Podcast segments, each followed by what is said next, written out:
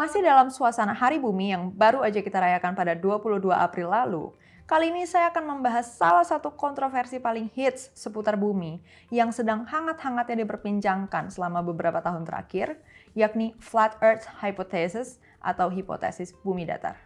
Beberapa waktu lalu, dunia astronomi Timur Tengah dikejutkan dengan adanya sebuah disertasi dari seorang kandidat PhD Tunisia yang mengajukan tesis bahwa bumi itu datar.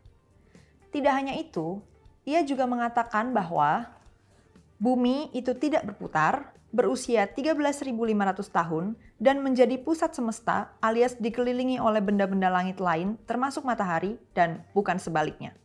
Di ujung disertasi tersebut, intinya sang kandidat PhD memperjuangkan kebenaran atas sejumlah ayat Quran, termasuk bumi sebagai pusat semesta dan fenomena Bahteranu.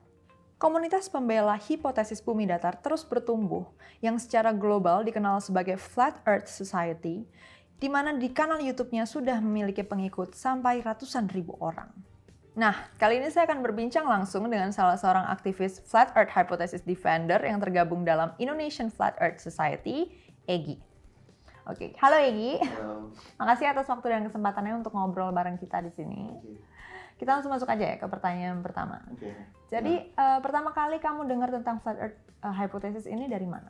Oke, sebelumnya itu sebelumnya itu ada sekitar tahun 2013-an saya pernah dengar sih, cuma saya anggap masih yang ah apa sih gitu. Hingga akhirnya pada saat sekitar awal tahun lalu, ketika awal-awal saya kerja di Phnom Penh, Kamboja, eh, saya ngelihat teman saya tuh posting gitu lah, dan teman saya ini salah satu termasuk orang yang berpendidikan gitu kan di bidang telco gitu. Dia debat ataupun diskusi dengan temannya mengenai bumi datar gitu. Saya langsung berpikir, ini masih ada ya saya gitu pada saat itu jujur ekspresi pertama kali ataupun intuisi kita adalah nih pasti ngenyek dan mocking Hmm. bahwa ini kayak orang anak makan sekolahan ini udah tahun berapa gitu ini lu masih aja percaya gitu-gituan ya kan Ya. tapi akhirnya uh, kita nggak boleh assum- assuming kan kita harus cari tahu dulu gitu Ya. terus saya buka postingannya terus ada beberapa argumen yang memang ya juga ya gitu mengganggu pikiran lah gitu Hmm. Uh, karena selama ini saya uh, bukan berarti tidak menerima itu betul tapi kayaknya kita tampung dulu nih ini udah oke deh gitu Hmm. apa salahnya sih kita cover both side gitu kan Hmm. terus pas saya sudah cari tahu cukup sebentar aja baru sadar bahwa iya ya ternyata selama ini ini gitu jawaban yang memang saya sa- cari selama ini dan jawaban memang teori itu pun belum bisa dibuktikan juga secara ilmiah gitu tapi memang diklaim bahwa dari zaman ke zaman bahwa bumi itu bulat bumi itu global dan teori heliocentris itu adalah valid gitu menurut terdahulunya gitu jadi eh, ya sudah ketika sudah menemukan banyak yang salah anomali-anomali yang kejanggalan-kejanggalan yang diklaim selama ini itu lebih banyak dibandingkan apa yang saya temuin di saat mencari dan saat ke sana kemari ya nggak butuh waktu lama sih untuk ya inilah gitu realitasnya gitu. Oke, Ya. nggak butuh waktu lama ya. Itu berapa lama setelah eh, pertama kali mendengar tentang flat earth? 15 15 sampai 20 menit lah anggap. Jadi 15 pada saat ada 20 argumen itu saya langsung cari tahu terus saya cari tahu apa yang diklaim oleh authority status quo terus saya bandingkan dengan apa yang memang realitasnya seperti apa gitu. Dan logikanya sih yang benar yang teori bumi datar tapi saat itu masih mengganggu pikiran kan. Oh masa sih gitu kan. Tapi tapi saya tidak ngajak orang itu untuk berdebat, selalu bertanya, tanya, tanya. Kan ya, ya kita udah punya semua kan di, di depan kita aja via jempol aja cari aja googling gitu kan. Semua udah bisa banyak cari tahu gitu. Apa susahnya sih gitu kan? Permasalahannya adalah ketika orang-orang tahu itu mereka udah langsung mocking mereka itu langsung ngenyek tanpa harus cari tahu dulu gitu. Sebenarnya apa sih yang selama ini kita pelajarin? Bener nggak sih komparasinya? Gitu. Argumen-argumen utama apa dari flat earth hypothesis ini yang menurut kamu paling stand out gitu? Sehingga ini Hmm. cocok nih, cukup untuk men-challenge eh, round earth theory yang selama ini dikenal. Oke, nah, mungkin bukan men-challenge kali ya. Men-challenge bahasa terlalu seperti seakan-akan menantang bahwa kita paling benar mereka salah. Enggak lah, ini kan hanya masalah realitas dan ya balik lagi perspektif ego kita mau menerima atau tidak gitu. Itu balik lagi ke personal lah. Ya pertama itu waktu itu saya waktu kecil tuh dari zaman SMP SD lah saya bertanya kalau karena kalau bumi itu misal bulat kenapa air itu nggak tumpah ya? Gitu kan. Karena posisi bumi bulat itu di daerah selatan kan apalagi Southern Hemisphere ya dia pasti di posisi bawah dan melengkung kan. Air pasti tumpah bagaimanapun juga saat itu ya. Ya, tapi ya terlupakan begitu saja karena kita sudah pindah ke SMP diajarin yang lain gitu dengan teori-teori yang lain. Hingga akhirnya uh, argumen pertama adalah sifat dasar air. Sifat dasar air itu secara ilmiah dan secara memang nyata kita bisa buktikan selalu datar, selalu level, dan dia bergerak dari tempat tinggi ke tempat yang rendah.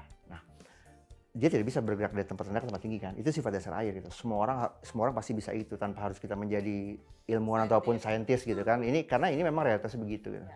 Dan tapi uh, hal ini tidak terjadi gitu realitanya pada teori globe sendiri gitu.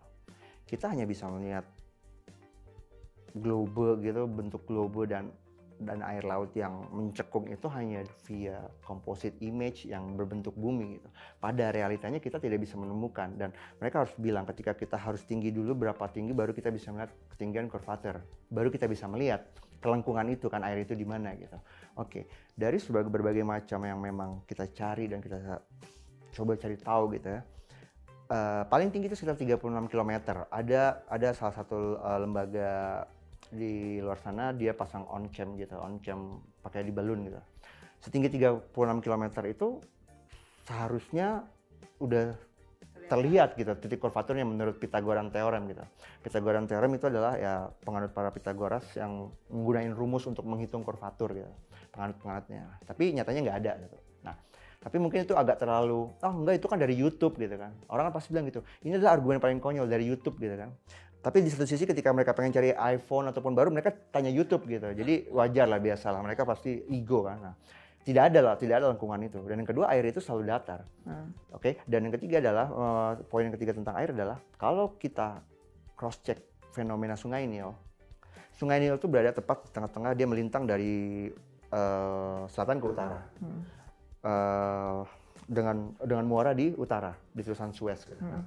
Kalau kita lihat dari posisi globe, itu posisinya uh, ada sekitar uh, 4.258 mil hmm. panjangnya gitu. Nah, bermula dari uh, selatan ke utara. Nah, yang lucu adalah di posisi globe itu dia melengkung dan menanjak.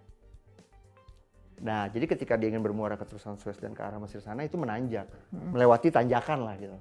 Kalau di posisi globe ya, ini berdasarkan hipotesi-hipotesi globe ya sementara itu kita tidak pernah bisa melihat posisi air itu melawan gitu kan. Posisi air itu kan selalu di tempat tinggi ke tempat rendah. Yeah. Mau mau mau dengan hipotesis apa pun itu tidak akan bisa dipatahkan gitu. Itu itu adalah hal mendasar yang dari SD kita bisa tahu. Tapi dalam globe itu seakan-akan itu dibenarkan dengan theoretical science atas nama gravitasi dan hitung-hitungan dan yang lain bahwa air itu dari yang tempat melint, uh, posisi uh, apa namanya hulu uh, bermuara ke utara dan melewatin tanjakan gitu di posisi global dan itu di diokein aja gitu dengan dengan teori yang ada selama ini. Cuma memang kita tidak banyak yang tahu karena memang kita tidak pernah dikasih tahu gitu kan. Nah setelah kita mencari tahu cari tahu lagi ini kok uh, ini kok ini ya apa uh, berlawanan dengan realitas yang sebenarnya kita pahamin gitu kan. Cuma kan orang sudah terlanjur appeal to authority kan bahwa ya udahlah lu bukan saintis gitu, lu bukan ilmuwan gitu, lu nggak ngerti gitu. Ya kan. Jadi ibarat kata kita harus jadi teknisi iPhone dulu, handphone dulu kalau tahu kalau handphone kita palsu gitu. Sementara itu kita bisa tahu kan apa yang memang secara logik kita bisa buktiin sendiri dan apa yang memang enggak gitu. Ya kan sesuai dengan Carl Sagan bilang kan extreme claims requires extreme eksperimen kan. Nah, kalau pada eksperimen ilmiahnya sendiri itu air itu tidak bisa menanjak dan tidak dan selalu datar pada sifat alamiahnya, ah, asumsi dan logika apa yang membenarkan bahwa air itu bisa bisa masuk pada teori globe? That's it sih yang paling mendasar banget gitu dan kita tidak menemukan titik kurvatur yang sesuai. Pada ketinggian berapa harusnya terdapat kurvatur lengkungan bumi tapi nggak ada. Apakah kita harus memang keluar angkasa dulu baru bisa dapat foto bagus bentuk bumi bulat tinggal terdapat lengkungan, ya kan? Dan hanya bersumber dari satu pihak, ya kan? Dan yang dari tahun ke tahun itu beda. Dari tahun 70-an, dari tahun 90-an sampai tahun dari tahun 2000-an bentuk benuanya itu selalu beda. Jadi ini hanya logika mendasar aja gitu kalau masih percaya nggak apa-apa gitu cuma ya realitas begitu ada argumen lanjutan atau hmm, itu ya kalau saya simpulkan berarti air tadi sifat ya sifat dasar air ya. sifat dasar air sama kurvatur yang tidak bisa ditemukan bahkan sampai ketinggian 30 km ya 30 ya um, di atas tanah ya, ya PG Cam yang pernah ada dari sumber itu sekitar 30 sampai 36 km oke okay. ya, kurang lebih seperti itulah itu ya kira-kira argumen-argumen utamanya. Iya. Yeah. Oke, kalau gitu kita move on to the last question okay. aja langsung. Uh, setelah kita tadi berbincang-bincang mengenai argumen-argumen mendasar hmm. dari uh, flat earth hypothesis defender ini, hmm. Mungkin Mas Egi punya pesan buat penonton yang yeah. mungkin masih uh, belum pernah mencoba menggali lebih jauh yeah. mengenai flat earth hypothesis nah. dan masih uh, apa ya mungkin secara hmm. fanatik dan blind yeah. uh, benar-benar submit to just round earth theory hmm. apa Uh, mungkin uh, jauh sebelum adanya teori heliocentris itu di abad ke-16 peradaban kuno ribuan tahun lamanya itu mengadopsi teori geosentris dari Claudius Ptolemy. Jadi uh, kalau memang seandainya teori bumi datar dan bumi bulat ini bukan hal yang baru lagi gitu. Dan yang uh, kedua adalah uh, selalu banyak bilang bahwa sudahlah lo kan bukan lo tuh bukan ahlinya dan lo hanya belajar dari YouTube dan yang lain dan segala macam gitu. Ini menurut saya argumen yang agak sedikit lucu gitu karena ketika kita menggunakan medium untuk mencari informasi, apa pun kita bisa gunakan. Tapi balik lagi kepada kontennya, isinya apa gitu. Jangankan YouTube gitu.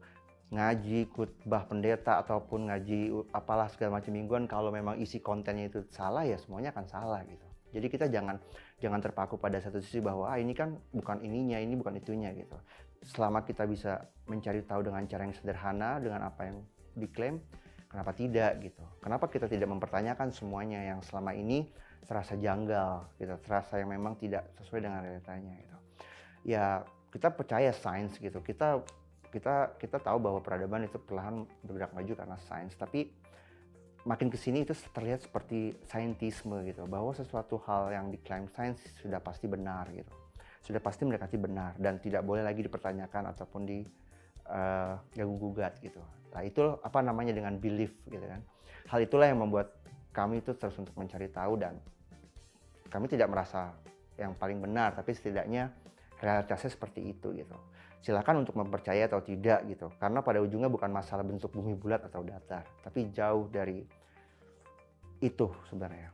Jadi dan bukan berarti juga guru yang salah ataupun yang edukasi yang salah tidak gitu. Tapi memang kita harus mencari lagi dan mencari tahu karena apa yang diklaim selama ini ya berbeda dengan nyatanya. That's it.